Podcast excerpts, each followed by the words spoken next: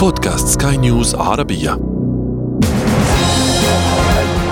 المحفظة. المحفظة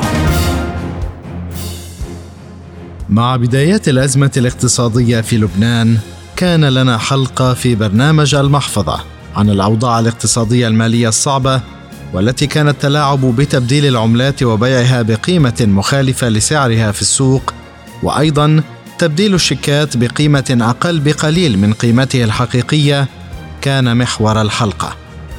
ولكن اليوم مع تفاقم الوضع بعشرات المرات حتى وصل حد انقطاع السلع من السوق.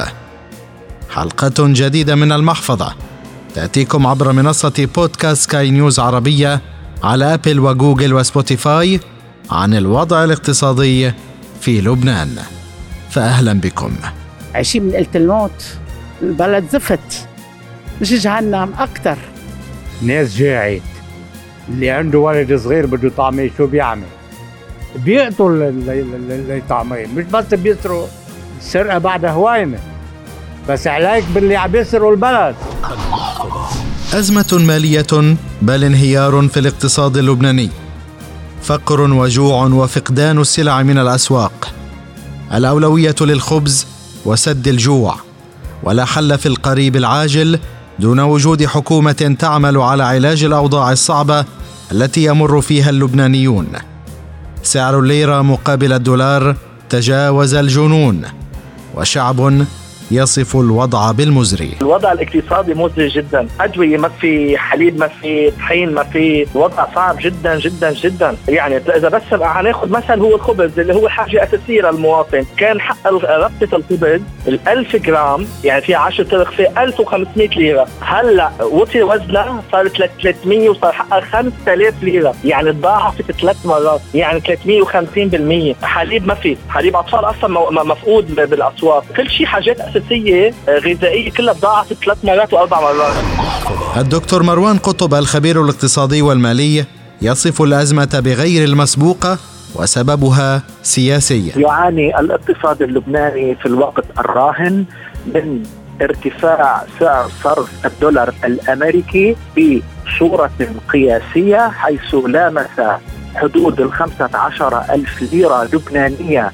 للدولار الواحد. هذه الأزمة أزمة غير مسبوقة وتتعدد الأسباب التي أدت إلى ذلك. السبب الرئيسي هو الأزمة الاقتصادية القائمة في البلاد والناتجة عن أزمة سياسية مستفحلة وخصوصا تعثر تشكيل الحكومة اللبنانية بعد ثمانية أشهر من استقالة الحكومة السابقة والمناكفات السياسية الداخلية ومع هذا التعثر نشأ ضبابيه في المشهد الاقتصادي اللبناني لأن الحكومات هي التي تضع السياسات وهي التي تضع الحدود وبالنسبة للمواطنين قال قطب إن المعاناة تزداد يوما بعد يوم خاصة مع ارتفاع أسعار النفط. مصرف لبنان عندما أصدر تعاليم وقال بأنه يدعم المحروقات والقمح والأدوية قال بأن دعمه هو بحدود 85% وبالتالي يبقى 15% هذه ال 15% يجري تأمين من السوق الموازية. مجرد أن مصرف لبنان قال أنه يدعم بنسبة معينة معنى ذلك أن النسبة المتبقية من السوق الموازية وما ويعني ذلك إعطاء مشروعية لهذه السوق.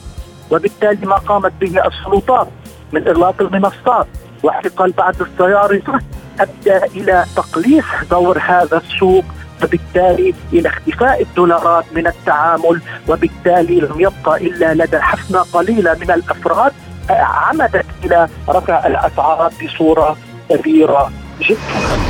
مع هذه الأزمة والمشاهد التي نراها لتهافت الآباء لتأمين الحليب لأطفالهم يرى الخبير المالي والاقتصادي الدكتور مروان قطب أنه لا توجد حلول قريبة إلا لمن معه القليل من المال ليحاول أن يخزن بعض السلع الأساسية لكن إذا أسعفه الوقت لذلك ما ما يقوم به المواطن وما دعا إليه بعض الخبراء الاقتصاديين بضرورة تخزين السلع. ولكن هنا هنا نقول و يعني ما هي الكمية المتاحة آه، للتخزين وتكفي المواطن في ظل أزمة قد تطول وفي ظل شح السيوله النقديه في يد المواطن اللبناني فإن عملية التخزين وإن كانت تكفي لشهر أو شهرين ولكن هذا لن يغطي أمد الأزمة الذي سيطول، الحلول هي ليست في تخزين السلع وإنما هو في إيجاد حل المشكلة الاقتصادية بتشكيل حكومه حكومة تتفاوض مع صندوق النقد الدولي لتأمين دخل السيولة النقدية في الاقتصاد الوطني عسى أن ينعكس ذلك على المواطن ودخله ويؤدي إلى آه، آه، يجم ارتفاع سعر الدولار الأمريكي. وبالنسبة للأولوية للمواطن اللبناني اليوم حسب محمد بالوزه الخبز والخبز فقط إن استطاع.